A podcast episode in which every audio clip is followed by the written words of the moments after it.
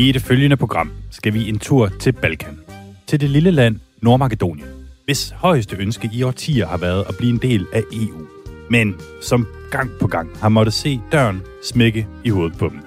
Vi skal i dag både høre fra en frustreret makedonsk minister og prøve at forstå, hvordan det hænger sammen, at Danmark på den ene side gerne vil have Nordmakedonien med i EU, og på den anden side ikke rigtig vil have Nordmakedonien med i EU. Og hvis du hænger på, så kommer der til sidst i programmet endnu mere Balkanmusik, når jeg taler med manden, som har lavet det her nummer. Jeg hedder Mads Anneberg. Velkommen til. Último aviso a los señores pasajeros del vuelo Brussels Airlines con destino Bruselas. Let Europe arise. We love Europe. I love Europe anyway. I love it. De la merde. De la merde, de la merde. Du lytter til Kontinentet på Radio 4. Ça oui, c'est du bon travail.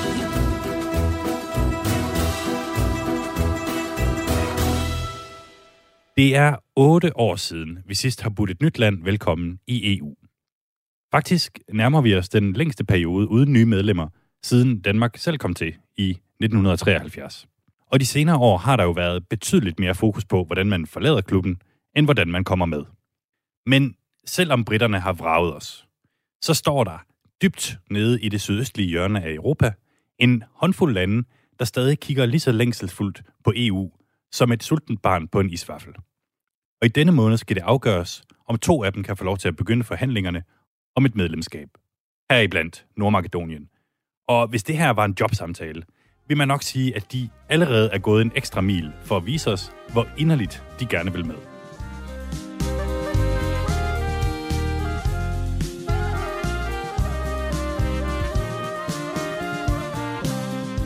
Nu kan jeg byde velkommen til Anne Haubæk, journalist og forfatter, og en dansker med stor forkærlighed til Nordmakedonien, og selvfølgelig også viden om det samme. Mange tak, fordi du vil være med i programmet, Anne.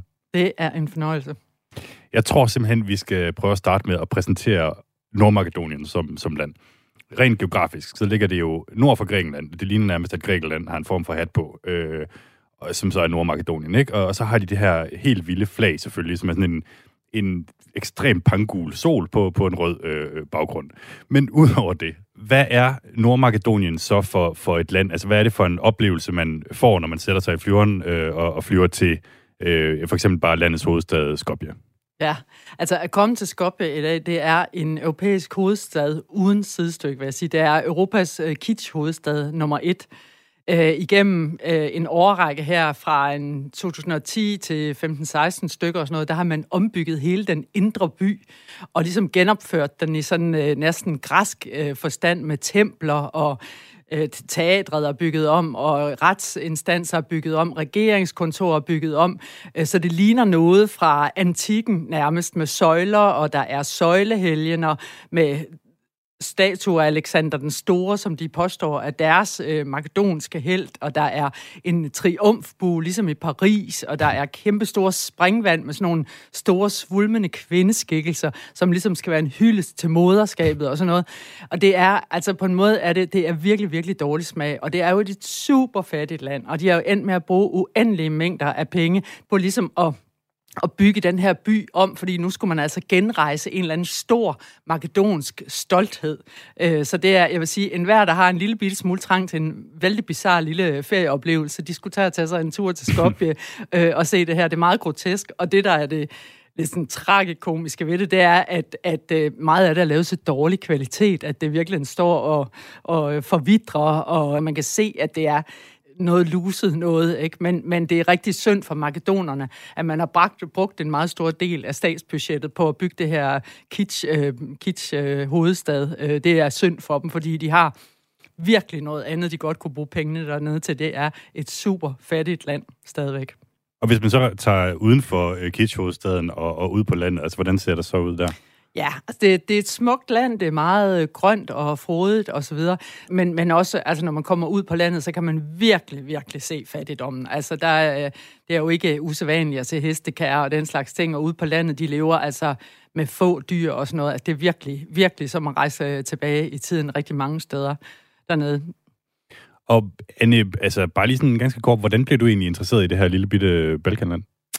Jamen, jeg har faktisk arbejdet med en masse journalister dernede. Øh, det begyndte øh, midt i nullerne cirka, hvor, hvor vi havde mulighed for at støtte nogle undersøgende journalister dernede med nogle penge, vi fik fra det, der hed øh, EU's naboskabsprogram, fordi man jo gerne vil støtte demokratiudviklingen og en fri presse. Og der arbejdede jeg sammen med en masse journalister dernede fra, hvor vi støttede kritiske undersøgelser, de lavede, fordi altså guderne skal vide, at der var nok at lave kritisk journalistik der om dernede. Så, de har, så vi har faktisk støttet rigtig mange projekter dernede, og de har opbygget et lille center for undersøgende journalistik dernede igennem årene, og det kan jo så være sådan nogle kritiske undersøgelser, eller under, undersøge forurening af vandløb, eller korruption i bystyret, eller nogle andre ting.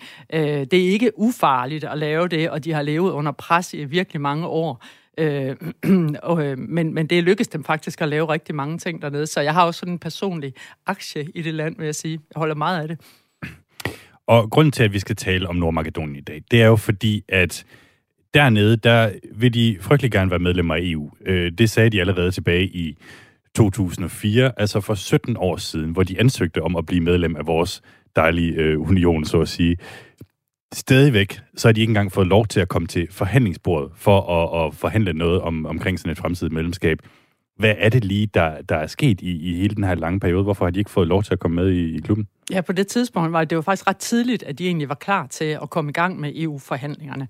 Øh, men der på det tidspunkt nedlagde Grækenland veto øh, mod, øh, at de kom i gang med optagelsesforhandlinger på grund af navnet Makedonien øh, øh, som grækerne jo, den nordlige del af Grækenland hedder Makedonien, og de mener, de har patent på det her navn. Øh, og de krævede så, at makedonerne skulle ændre deres navn, øh, og det ville de jo så ikke. Så grækerne blokerede simpelthen øh, i ja, 15 år for, at øh, de faktisk kunne komme i gang med det her. Og der var, har været mange internationale forhandlinger igennem årene for at løse den her strid. Og så var det så, at den nuværende premierminister, Sordan Sayev, det lykkedes ham at få lavet en aftale med grækerne, sådan at de endte med at blive enige om, at landet nu kunne hedde Nordmakedonien. Så det hedder det nu. Og det var en kæmpe stor pille og sluge for makedonerne. Det her, altså man kan jo godt forestille sig det, ikke? Altså var Danmark, der skulle til at, at skifte navn øh, til, noget, til noget andet, for Nord, eksempel. Nordtyskland. Ikke? Nordtyskland, for eksempel. Ikke? Så det var en stor pille og sluge for dem. Men på det tidspunkt, da, da den her strid så endelig var løst, så tænkte jeg, okay, godt, nu er vejen så banet til, at vi kan komme i gang med de her optagelsesforhandlinger, som er meget vigtige for, for Nordmakedonien.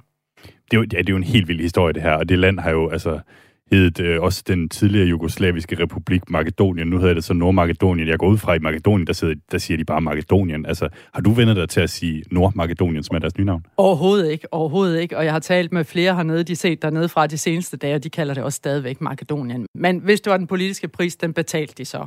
Og øh, det er jo rimelig radikalt at ændre sit navn for at få lov til at komme med i, i EU, og så selvfølgelig også NATO, som, øh, som de så er kommet med i. Og så troede de jo så, at der var fri bane i Nordmakedonien, som de så hed. Øh, men nej, i Men... december, der kom bulgarerne så på banen og sagde, at vi vil forresten også gerne øh, nedlægge veto øh, og have noget ud af den her situation. Hvad, hvad handlede det om? Det bulgarerne de kræver, det er, at makedonerne skal øh, anerkende, at øh, deres sprog, makedonsk i virkeligheden er bulgarsk, og at deres kultur i virkeligheden er bulgarsk. Det skal de anerkende, før at bulgarerne vil give tilladelse til, at de kan komme ind og, og, for, og komme i gang med forhandlingerne med EU. Altså det svarer lidt til, at hvis Norge gerne ville være medlem af EU, at Danmark så krævede, at nordmændene skulle acceptere, at norsk er en dansk dialekt, og at norsk kultur i virkeligheden er dansk. Det vil de nok ikke blive så glade for i Norge. Jeg tror, det er en ret usandsynlig situation, ja. Okay, men altså undskyld mig, er det, er det rigtigt, det som, det som de påstår, det som de gerne vil have, at øh, Nordmakedonien skal skrive under på, altså at makedonsk dybest set er en dialekt af, af bulgarsk, og deres øh, kultur er afledt af den bulgarske? Altså, de forstår faktisk hinanden. Altså, der er nogle, nogle, øh, der, der er nogle, øh, nogle enkelte ting, som er forskellige i de to sprog, men de forstår faktisk hinanden. I det hele taget, når man kigger på landegrænser i den her region, så er de nationalstater, vi kender i dag, de er ikke ret gamle. Det er en længere øh, historisk forklaring, men de har ikke noget reelt krav på at kalde øh, det her øh, land for, øh, for, at det skulle ligesom nærmest være bulgarsk i dag. Nej, det har de ikke. Okay. Altså, hele den her, øh, hvad skal man sige, historiske suppedags kan jo godt nogle gange være lidt øh, spøjs at kigge på heroppe fra Danmark, altså så langt fra, fra Balkan, som, som vi jo er. Men hvis man kigger på, hvad Bulgarien gerne vil have ud af det, hvad, hvad er så det? Ja, altså det første, man tænker på, det er jo i virkeligheden måske, at det her dækker over, at den øh, regering, der sidder i Bulgarien, har håndteret de politiske udfordringer, der har været i det land de sidste mange, mange år virkelig, virkelig dårligt, og at de i virkeligheden forsøger at flytte problemstillingen væk fra alle de problemer, de har i Bulgarien, over til sådan en eller anden symbolsk diskussion om det her. Det virker fuldstændig grotesk, men på en eller anden måde så er det lykkedes til en vis grad i hvert fald at få bilde bulgarerne ind, at det her det er meget vigtigt for den bulgarske nationalfølelse, at makedonerne ligesom anerkender det her. Vi skal tale meget mere med dig i anden halvdel af det her program, Anne Havbæk. Men øh, før jeg lige giver helt slip på dig her, så kunne jeg godt tænke mig at spørge dig.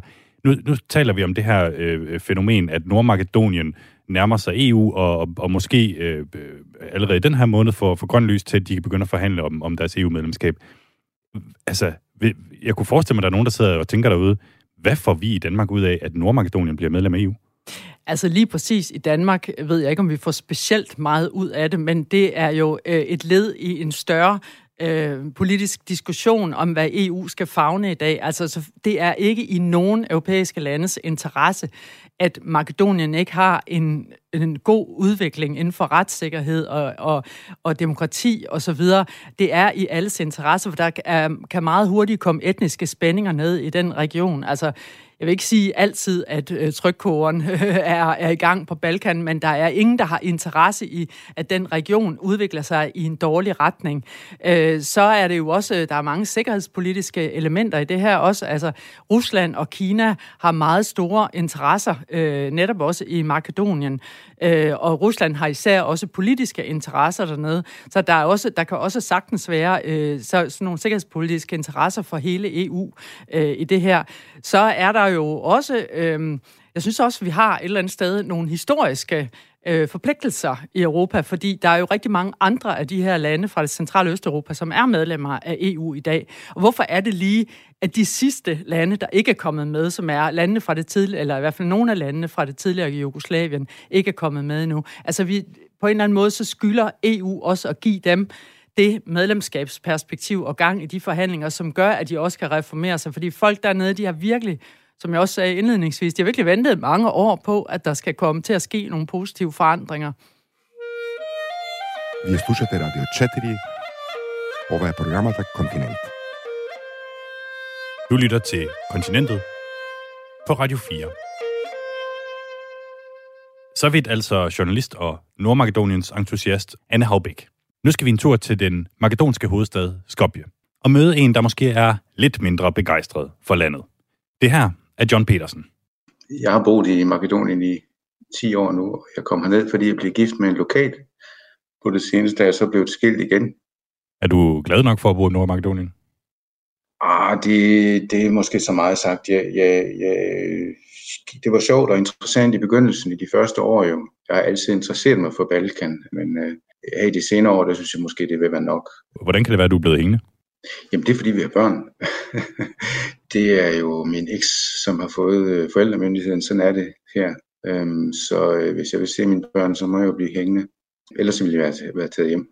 Men John Petersen forsøger at få det bedste ud af situationen.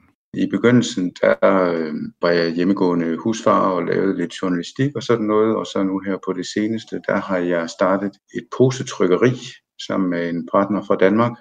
John forsøgte sig altså som journalist, da han flyttede til Nordmakedonien men måtte hurtigt erkende, at interessen for makedonske historier ikke var overvældende her hjemme i Danmark.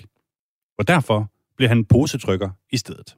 Så vi trykker på papirposer her i Makedonien, og, eller Nordmakedonien skal jeg jo vende mig til at sige, Nordmakedonien. Mm. Er det øh, hvad hedder den, en, en skrå, der lige skal vendes en gang, det der med, at, øh, at landet har fået et nyt navn? Det er, det er jo svært at vende sig til at sige Nordmakedonien. Der er ikke nogen her, der siger Nordmakedonien. Hvis man siger Nordmakedonien her, så tænker folk på området op ved Nord, Komanovo, som ligger op mod nord i landet. Altså det nordlige Nordmakedonien? Ja, præcis. Okay. Øhm, jeg tænkte på, kunne du lukkes til simpelthen bare lige at beskrive Nordmakedonien for os? Altså jeg har personligt aldrig været der.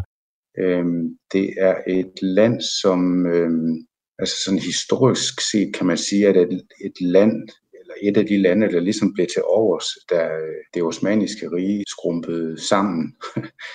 og øh, et af de sidste områder, som blev øh, selvstændigt.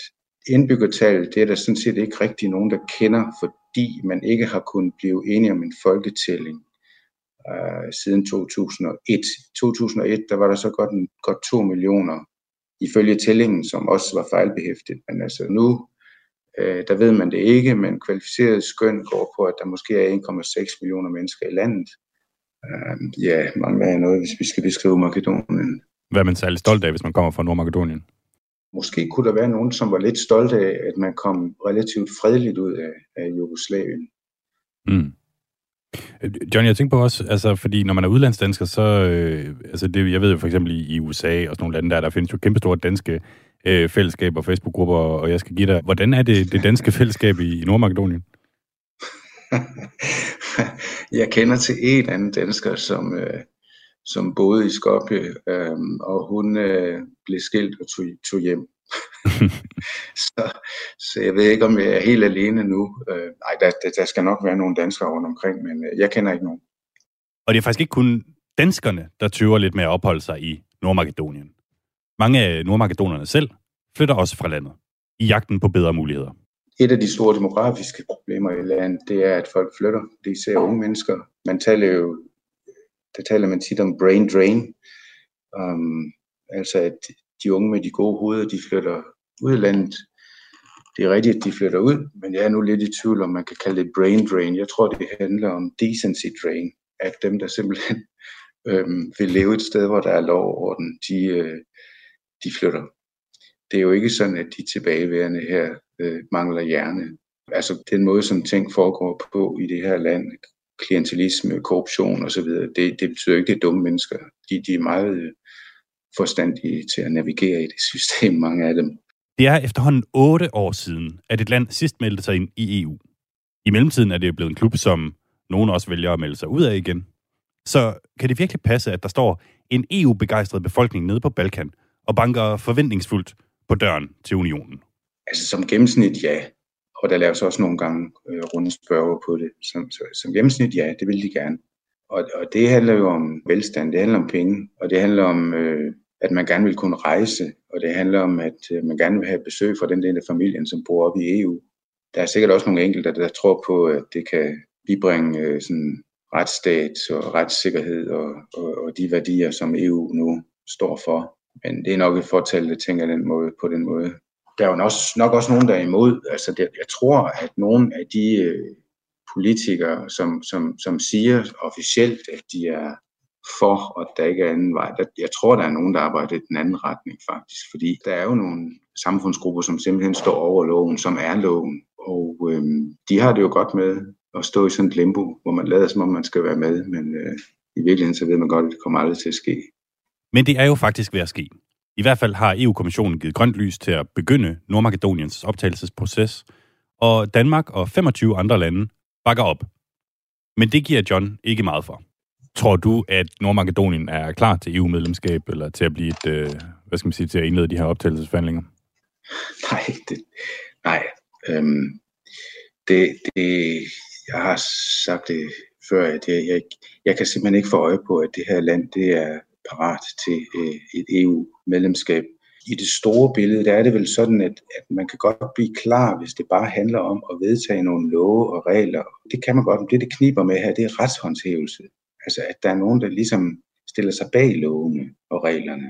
Det her er ikke et retssamfund. Der er ikke en indlysende adskillelse af udøvende og lovgivende og dømmende magt. Jeg har som så mange andre været optændt af håb om, at det kunne gå fremad i Nordmakedonien det er altså ikke så meget længere.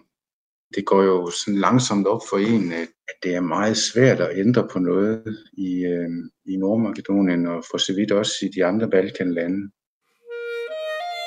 Vi slušate Radio 4. Ovo je programata Kontinent. Du lytter til Kontinentet på Radio 4.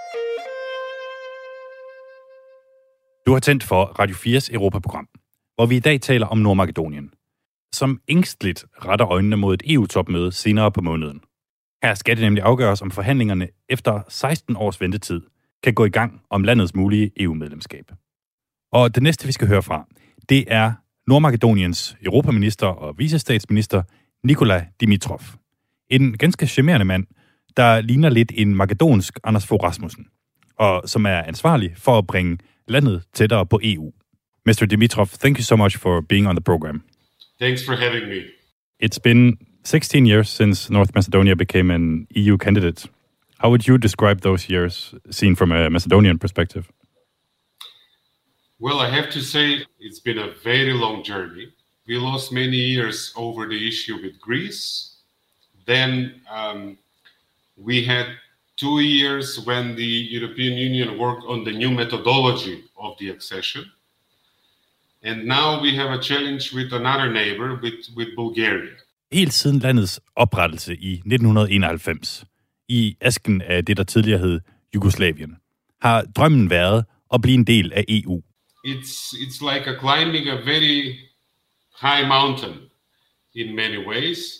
We lost generations, um, and I think we are in a race against time because, especially young professionals, if um, it seems easier for some of them to have to find a European way of life by moving to Europe on their own.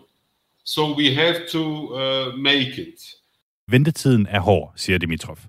I og med, at landet ikke er kommet nærmere EU, har mange af dets unge indbyggere taget skeen i egen hånd og er taget afsted. As you mentioned, uh, Mr. Dimitrov, Bulgaria has some demands for these negotiations to begin. Why not just accept the demands? The demands are, uh, I'm going to try to be diplomatic You don't have to. The issues that Bulgaria raised um, go to issues of identity and history. It's not right for Macedonians, for the Macedonian people, to have to choose between their own Macedonian language, let's say, and becoming Europeans. Nikola Dimitrov mener ikke, at hans befolkning skal vælge mellem retten til deres eget sprog og et EU-medlemskab. Det bør handle om noget helt andet. you know, our progress must be about whether we fight corruption efficiently and whether judges are independent and whether your colleagues, journalists, are free to report and to, to criticize and to hold uh, politicians to account. It must not be about whether historians from uh, North Macedonia and historians from Bulgaria have agreed or have disagreed on a particular uh, historical event. EU-diplomater arbejder på højtryk for at løse striden mellem de to lande. Og mange håber, at det om få uger vil være muligt for EU-landene at blive enige om at begynde forhandlingerne med Nordmakedonien. Men klog af skade vil Nikola Dimitrov ikke sætte forventningerne for højt. Uh, I, I think after all the experiences of of the last years, I think we should under promise and try to over deliver. So I think it will not be responsible to our people, to the Macedonian citizens, if we raise expectations now. Det skal understreges, at selv hvis Nordmakedonien nu får lov til at begynde forhandlingerne, så er det ikke ensbetydende med, at de lige pludselig om kort tid er medlemmer af EU. Det kan tage en lang årrække, måske endda årtier, før det sker. Og ifølge Europaministeren, så er de jo ikke klar til at blive et medlem af EU, men de er i høj grad klar til at begynde forhandlingerne på vejen derhen, og har været det længe. We are not perfect. Every once in a while, we also make mistakes, but by and large, um, there is an obvious movement for the better. And I think this is also an opportunity for the European Union to make a difference in a region that needs uh, difference and progress. Det var altså den makedonske visestatsminister Nikola Dimitrov. På et tidspunkt i interviewet kommer jeg i øvrigt til at bruge ordet nordmakedonsk. Men det rigtige tillægsord i den her forbindelse er altså makedonsk. Det lærte jeg efter, at jeg fik tilsendt en meget lang guide bagefter af hans pressefolk, som var bange for, at det ville blive en historie i de makedonske medier, hvis en dansk journalist kom til at sige nordmakedonsk, når det nu hedder makedonsk. Så helt slut er den her navneforvirring altså ikke. Último aviso a los señores pasajeros del vuelo Brussels Airlines. Let Europe arise. We love Europe. I love Europe anyway. I love it. De la merde, De la merde de la merde. Du lytter til Kontinentet på Radio 4. Oh, ça oui, c'est du bon travail.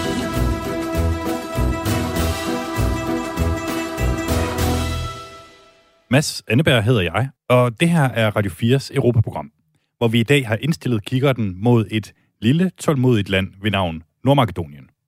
I 16 år har de stået i kø for at komme med i EU, men har stadig ikke fået lov til så meget som at komme til forhandlingsbordet. Vi vender lige tilbage til Anne Haubæk, som altså er journalist, og en af de måske relativt få, kan jeg godt tillade mig at sige, danskere, der virkelig har dykket det her lille bitte Balkanland, som vi taler om i dag, nemlig Nordmakedonien. Anne, vi hørte før fra John Petersen, som har boet i Nordmakedonien i 10 år, og som siger, at landet nærmest er så langt fra at være klar til EU-medlemskab, som man overhovedet kan forestille sig. Er du enig i det?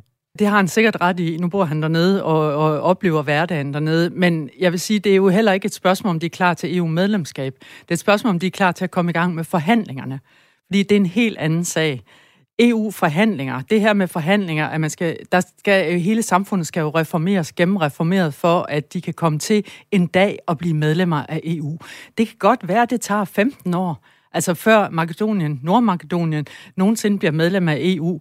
Men det er virkelig heller ikke det, der er så vigtigt lige nu. Det, der er vigtigt nu, det er, at de kommer i gang med processen øh, med forandring af deres økonomi, af deres retssystemer, af deres offentlige administration, alt muligt andet, så det ligesom bliver øh, kan leve op til EU-standarder. Og fordi det er jo lige præcis øh, det, der er det gode ved den her proces, det er, at at øh, det er i løbet af de her år, at landet forandrer sig. Og det mener jeg, at de er, altså det er jeg sikker på, at de er klar til, for det vurderer Europakommissionen, at de er klar til. Så det er jeg sikker på, at de er klar øh, til det her, fordi man monitorerer det jo meget nøje. Og så har man jo i EU her øh, i de senere år besluttet sig for, blandt andet på grund af alle de dårlige erfaringer, man har haft med at optage Bulgarien og Rumænien, øh, to, to lande med store korruptionsproblemer osv., der har man besluttet sig for at stramme de her, øh, hele den her proces. Altså man holder meget, et meget større øje med, hvad det egentlig er for nogle politiske forandringer, der er i landet, og man holder meget øje med, hvad for nogle metoder, de bruger til at forandre deres samfund. Så der er meget større overvågning fra EU's side, end der har været tidligere. Så den dag, de får tilbudt et EU-medlemskab, der vil jeg sige, der er det fordi, der vil jeg våge påstå, der er de altså klar til at blive EU-medlem, men det er slet ikke der, vi er i dag. Hvad er det vigtigste, der, der skal forandres i deres samfund, før de er klar? Altså jeg vil sige, at det største problem i det her land, og i mange af de andre lande i den region også, det er korruption. Fordi man kan aldrig regne med, at der er nogle ordentlige regler for ting. Man skal altid betale øh, småting, hvis man skal have noget fra en læge, en artist, eller hvis du skal have et nyt pas, eller et eller andet, sådan nogle småting, ikke?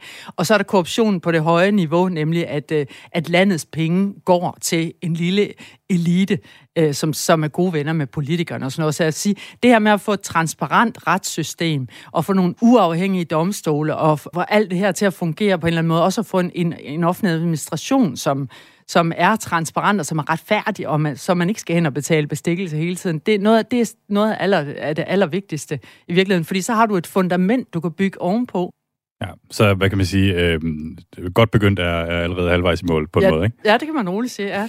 Øhm, lige nu, der, øh, der rykker de sig jo så desværre ikke øh, på, på, på den her proces, altså fordi der er den her strid med, med Bulgarien, der er sådan naboland.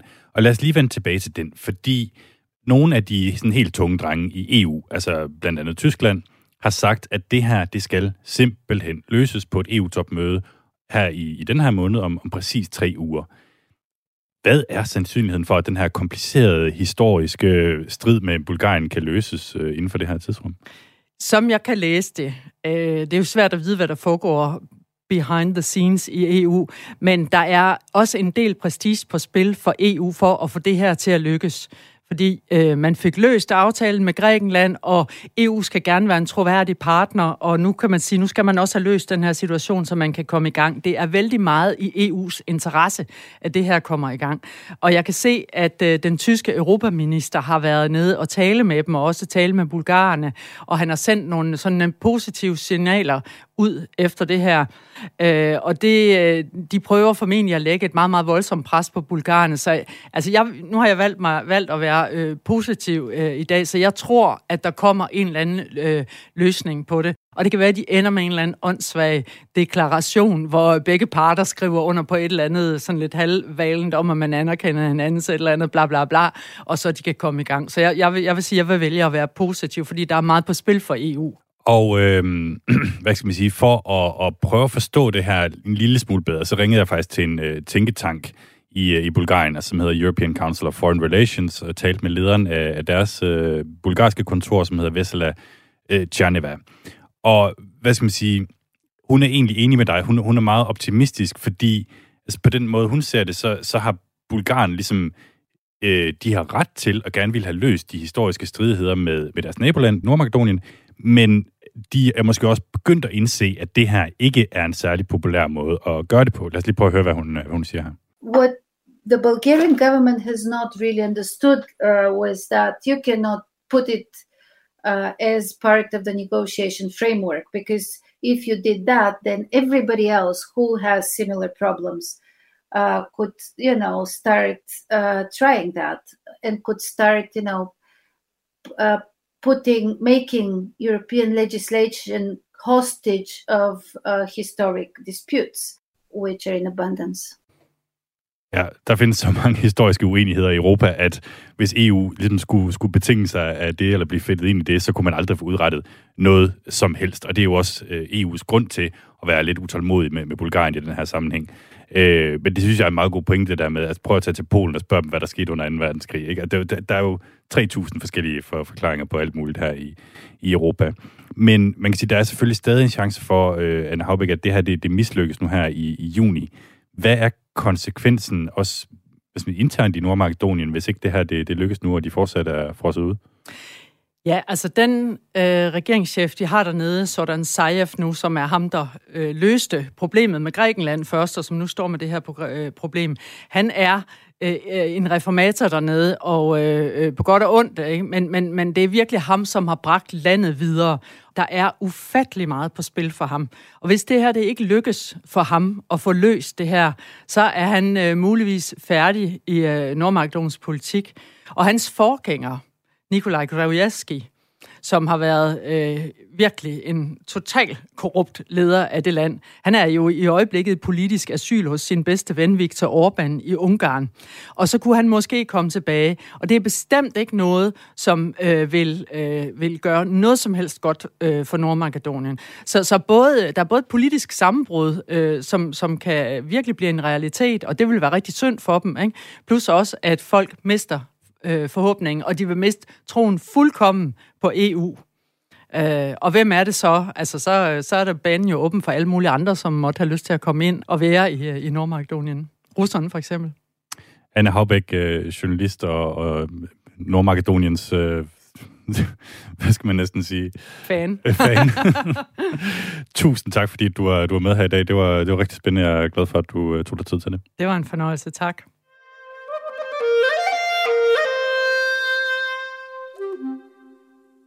Vi taler i det her program om Nordmakedonien og deres vej mod EU. Og her vil jeg godt lige tillade mig at indsætte en radiofonisk faktaboks. For hvordan bliver man egentlig medlem af EU? Jo, det gør man som så meget andet ved at udfylde en ansøgning. Hvis der er stemning for det blandt de nuværende medlemslande, så kan et land blive såkaldt kandidat. Det er det, som Nordmakedonien er nu, sammen med tre andre Balkanlande – Serbien, Montenegro og Albanien, samt Tyrkiet, som dog er på vej i den helt gale retning. Men det her er bare en form for venteværelse. Serbien og Montenegro er de eneste lande, der har fået grønt lys til rent faktisk at komme ind til doktoren, så at sige, og altså er begyndt at forhandle om medlemskab. Det er det skridt, som Nordmakedonien nu håber på at kunne tage, men selv herfra går der overvis, inden man er klar til at blive medlem af unionen. Sidste år ændrede EU en smule på proceduren, så man nu rykker tættere på fordelene med hvert skridt, men også kan blive sendt tilbage til start, hvis man ikke overholder reglerne. Og lige nu er det altså kun i det sydøstlige Europa, at der er interesse for EU-medlemskab. Island var et kandidatland indtil 2015, men trak sig i en form for præmatur Islexit ud allerede inden de kom med. Det står i reglerne, at man skal være et europæisk land for at kunne komme med i EU. Men Europa er lidt en svær størrelse at definere som kontinent, og et land som Georgien har for nylig meldt ud, at de går efter at søge om medlemskab i de kommende år. Faktaboks slut, og nu vender vi os lige mod Danmark. Vi slušate Radio 4.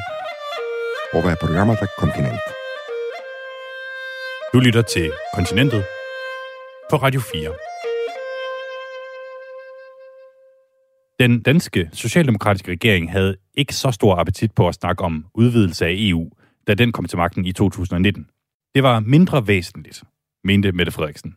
Men efter en ændring af optagelsesproceduren blev det regeringen op, og er nu blevet fortaler for at begynde forhandlingerne med Albanien og Nordmakedonien. Jeg fik mig en snak med den socialdemokratiske europaparlamentariker, Christel Schaldemose, for at finde ud af, hvor dybt den danske kærlighed stikker til et større EU. Christel Schaldemose, hvilken interesse har vi i Danmark i at få Nordmakedonien med i EU? Det var egentlig et godt spørgsmål, fordi øh, på mange måder så er øh, Nordmakedonien meget langt fra Danmark, ja, både selvfølgelig naturligvis geografisk, men også i forhold til hvilket niveau der er i landet, i forhold til øh, organiseringen af landet, forvaltning af landet osv. osv. Men vi har faktisk øh, en interesse øh, i af sikkerhedspolitiske årsager øh, undgå, at øh, Østeuropa falder så at sige hænderne på, på russerne eller kineserne. Og derfor så er det også øh, relevant under forudsætning af, at øh, landene øh, efterlever de regler, vi har i Europa, at vi kan overveje også at få sluttet de sidste lande på Balkan ind i EU. Så det er øh, primært af sikkerhedspolitiske årsager, øh, at det er vigtigt for os. Hvilke problemer er det, du tror, vi kan få øh, helt konkret, hvis ikke Nordmakedonien kommer, kommer tættere på os i EU? Jamen, det er jo svært at sige helt præcis, præcist, øh, men, øh, men der er ikke nogen tvivl om, at vi har set øh, en ageren fra øh, flere landes side øh, i, at, at de gerne vil øh, sådan skyde en, en, en, hvad hedder det, sådan en kile ind øh, imellem de europæiske lande. Og jeg tror øh, desværre, at Nordmakedonien ville kunne være et af de lande, hvor vi kunne risikere at se det her. Altså Nordmakedonien, det er jo et relativt lille land med omkring 2 millioner indbyggere. Selv hvis den russiske præsident Vladimir Putin fik total kontrol over øh, det land, hvad, hvad ville det så betyde for os? Det er ikke rart for EU at have et øh, splittet Vestbalkan, øh, hvor, øh, hvor, hvor, hvor lande på Vestbalkan kan blive brugt til at destabilisere øh, EU. Øh, og, øh, og, og derfor kan det være interessant og relevant for os at, øh, at skabe øh, grundlag for, at, at lande på Vestbalkan, på Vestbalkan udvikler sig og bliver reelle ret, retsstater og demokratiske lande. Øh, det gør det mere trygt også for EU, øh, og det i øvrigt vil gøre det nemmere for vores virksomheder at handle med dem osv. Så på alle leder kanter øh, er det da øh, kolossalt øh, tydeligt, at det er i EU's interesse, at, øh, at landene omkring os øh, er demokratiske. Øh, og en vej til at sikre, at de bliver det, det er, at øh, vi også har en gulderod øh, for dem, øh, nemlig et medlemskab af EU på sigt. Jeg tror, vi taler om meget, meget, meget, meget lang sigt. Kan du komme med et, øh, et helt konkret tænkt eksempel på, hvad der kunne ske, som ville skade Danmarks interesser, hvis ikke Nordmakedonien kommer tættere på os i EU øh, et eller andet sted ude i fremtiden?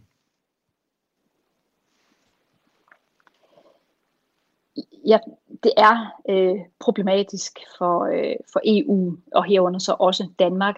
Altså jeg, jeg, jeg tænker, at øh, alle, der kan huske øh, krigene på, på Balkan, øh, går ud fra en interesse i, at vi ikke skal tilbage øh, til det, og den ustabilitet, som øh, for eksempel øh, russisk indflydelse kan skabe der, det er det, jeg meget, meget gerne vil undgå. Det er ikke i Danmarks og EU's interesse.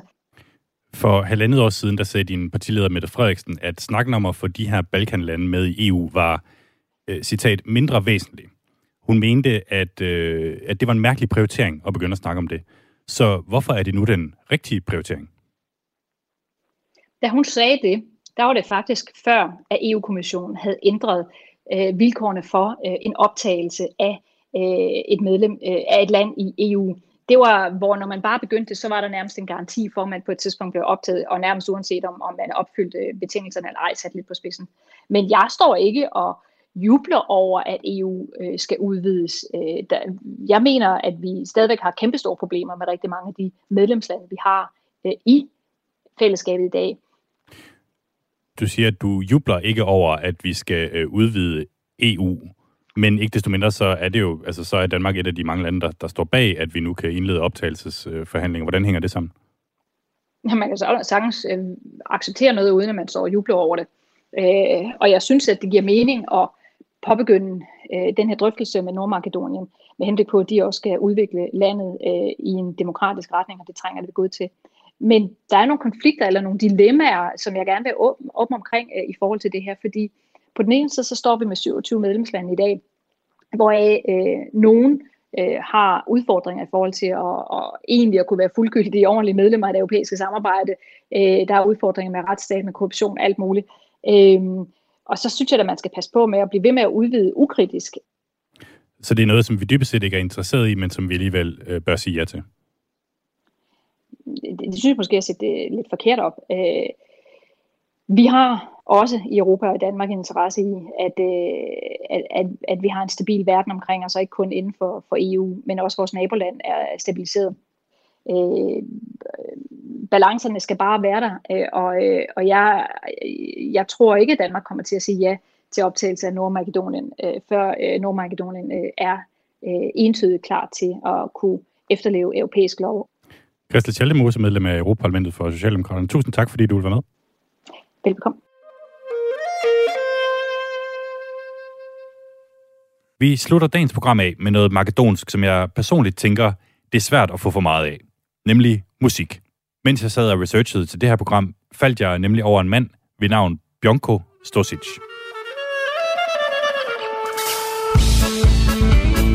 Hello and welcome to your favorite Balkan party. My name is Zlatko Buric. I would like to present you for Bionko with live Balkanista band. Jeg hedder Bjørnko, øh, og øh, jeg er til dagligt musiker og artist og spiller Balkan Beats rundt omkring i Danmark og i Europa. Spiller saxofon og klarinet øh, og har været rødder fra, fra Makedonien. Og Bjørnko, tusind tak, fordi du vil være med her i programmet. Jeg synes jo personligt, vi har haft alt for lidt Balkan-musik i, i det her program, og det skal der rettes op på nu. det lyder rigtig godt, øh, og det er jeg faktisk glad for. Og tak for invitationen. Ja, det var i hvert fald så lidt. Og øh, lad os måske lige få en ting på plads her til at starte med. Skal vi sige Makedonien eller Nordmakedonien? Altså, for hvad mit vedkommende må du sige, hvad du vil, men øh, jeg siger Makedonien, og, og det gør jeg alene af den grund, at øh, jeg er opvokset sådan, og øh, mine bedsteforældre, mine oldforældre, mine tibolforældre, de er øh, opvokset sådan. Altså, Makedonien har måttet give afkald på sit navn, mm. og bliver nu også bedt om at acceptere, at kulturen og sproget egentlig tilhører nabolandet Bulgarien. Ja. Hvordan har du det med det? Jeg har det jo, som, som jeg siger til dig, jeg, jeg har det jo faktisk dårligt med det, i og med, at, det, at det er jo, at det jo, at det er jo et faktum, øh, at, at, at, at mine øh, oldeforældre, mine tiboldeforældre osv., osv. De, de har jo altid været, været makedoner. Den, den ring, jeg har fået fra min, fra min tiboldefar, den, den, den, den sang, som min, som min tiboldemor har skrevet til mig på et, på et stykke papir. Øh, du ved, det hænger slet ikke sammen, at de skal presse dem ud så meget. Men, øh, men hvad gør man ikke for, for, for, at, for at komme i EU? Og Bjørnko, nu skal det jo ikke handle om politik. Det her program skal slutte på high note, og derfor så har jeg bedt dig udvælge den aller fedeste ting ved Makedonien. Mm. Og er vi klar? Øh, klar så godt som jeg kan være klar. Okay. øh, ja, number one. Altså udover maden, som jo lige kan snige sig ind i nummer et, øh, al den mad, der findes dernede, øh, så vil jeg sige, at, øh, at selve byen, øh, som hedder Ohrid, O-H-R-I-D, Ohrid, ja. øh, at den jo øh, topper det hele. Den har jo en af de ældste og, øh, og smukkeste og dybeste søer i Europa, øh, som hedder Ohridsøen selvfølgelig, øh, som deles mellem Albanien og, og Makedonien. Og den øh, at den 40 km lange riviera, som, som, som ligesom findes der, øh, øh, den er den er helt fantastisk, Mads. Altså, den er, den er, den er virkelig besøget værd. 110 procent. Så en delt øh, førsteplads til mad og okret. Ja, tak. og det, og det, det er virkelig sjovt, du, du nævnte det, fordi mm. jeg har, øh, jeg, det er ikke mere end en uges tid siden, tror jeg, jeg var inde og kigge på, om, om det må være muligt at komme til, til Makedonien her til, til sommer. Ja. Og der sad jeg netop og kiggede på, øh, på, på billeder af lige præcis den by her, og det, mm. det ser helt absurd fantastisk ud. Ja, men det er absurd fantastisk, og øh, det er jo en, det er jo en tiende del af prisen af, hvad, hvad det koster her, ikke? Øh, hver gang jeg ligesom lander i Skopje Lufthavn, øh, så det er en eller anden grund, så er det den samme toller, der ligesom venter på mig derovre.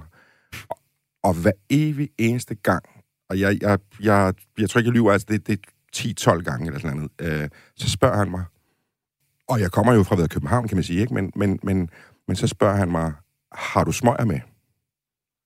okay. Og så kigger jeg på ham øh, sådan helt, du ved, blegt, øh, for ved tiende gang, og så siger jeg til ham, øh, nej, det har jeg ikke. øh, en pakke smøger her, det koster 50 kroner der. Og i Makedonien, det koster de altså 8 kroner stykket. Jonko, øh, meget ligesom dig selv, så har din øh, musik jo også øh, sine rødder i Makedonien. Yes. Og øh, du har valgt et øh, stykke musik, som vi skal høre her i programmet. Ja, det har jeg. Hvilket et? Jamen altså, vi talte jo lidt om mad, Mads. Det gjorde vi. jeg har lavet en, en, en melodi med, øh, med en, der hedder Klamfyr, øh, fra hvad Suspekt. Og den er lige udkommet for en øh, lille måneds tid siden. Den hedder Buddha King, og den omhandler spisen, eller maden, buddha, som er sådan en buddhadejs ting, øh, hvor man putter enten øh, hvad, kød i, øh, sådan hakket oksekød i, eller eller hvad hedder det, fetaost, eller spinat og feta, og så videre, og så videre. Så det har vi lavet en lille melodi om. Den hedder Buddha King featuring Klamfyr. Bjørnko, tusind tak, fordi du ville være med i, uh, i programmet her i dag. Selv tak, Mads. Selv tak. Det var en fornøjelse. Sirenje, cheese, spanak, spinach, meso, Er det det i øvrigt, som man kalder en uh, samosa, hvis man tager uh, ned til Grækenland? Nej. okay.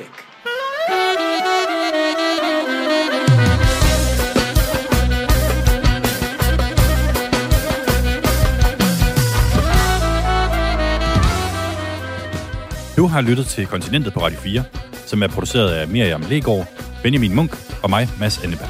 Som så mange andre her i landet, så findes vi på podcast. Gå meget gerne ind og abonner på det. Tak fordi du har lyttet med, og vi høres ved i næste uge. Så jeg spiser en kødfyldt makedonsk tærte, slikker mig om munden og bruger lidt mig helt færdig. Det er helt okay, den går mere noget særligt. Ikke en hver ung pige sudflået værdig. Tyrkisk kebab, arabisk shawarma. Kaskiros, det er stort set det samme, ja. De sutter min souflaki i Khania. Men det bedste er, når jeg tager op og spiser burek i Makedonia. Og hopper en tur i søen, plasker rundt i sliver. Tager en middagslur i byen.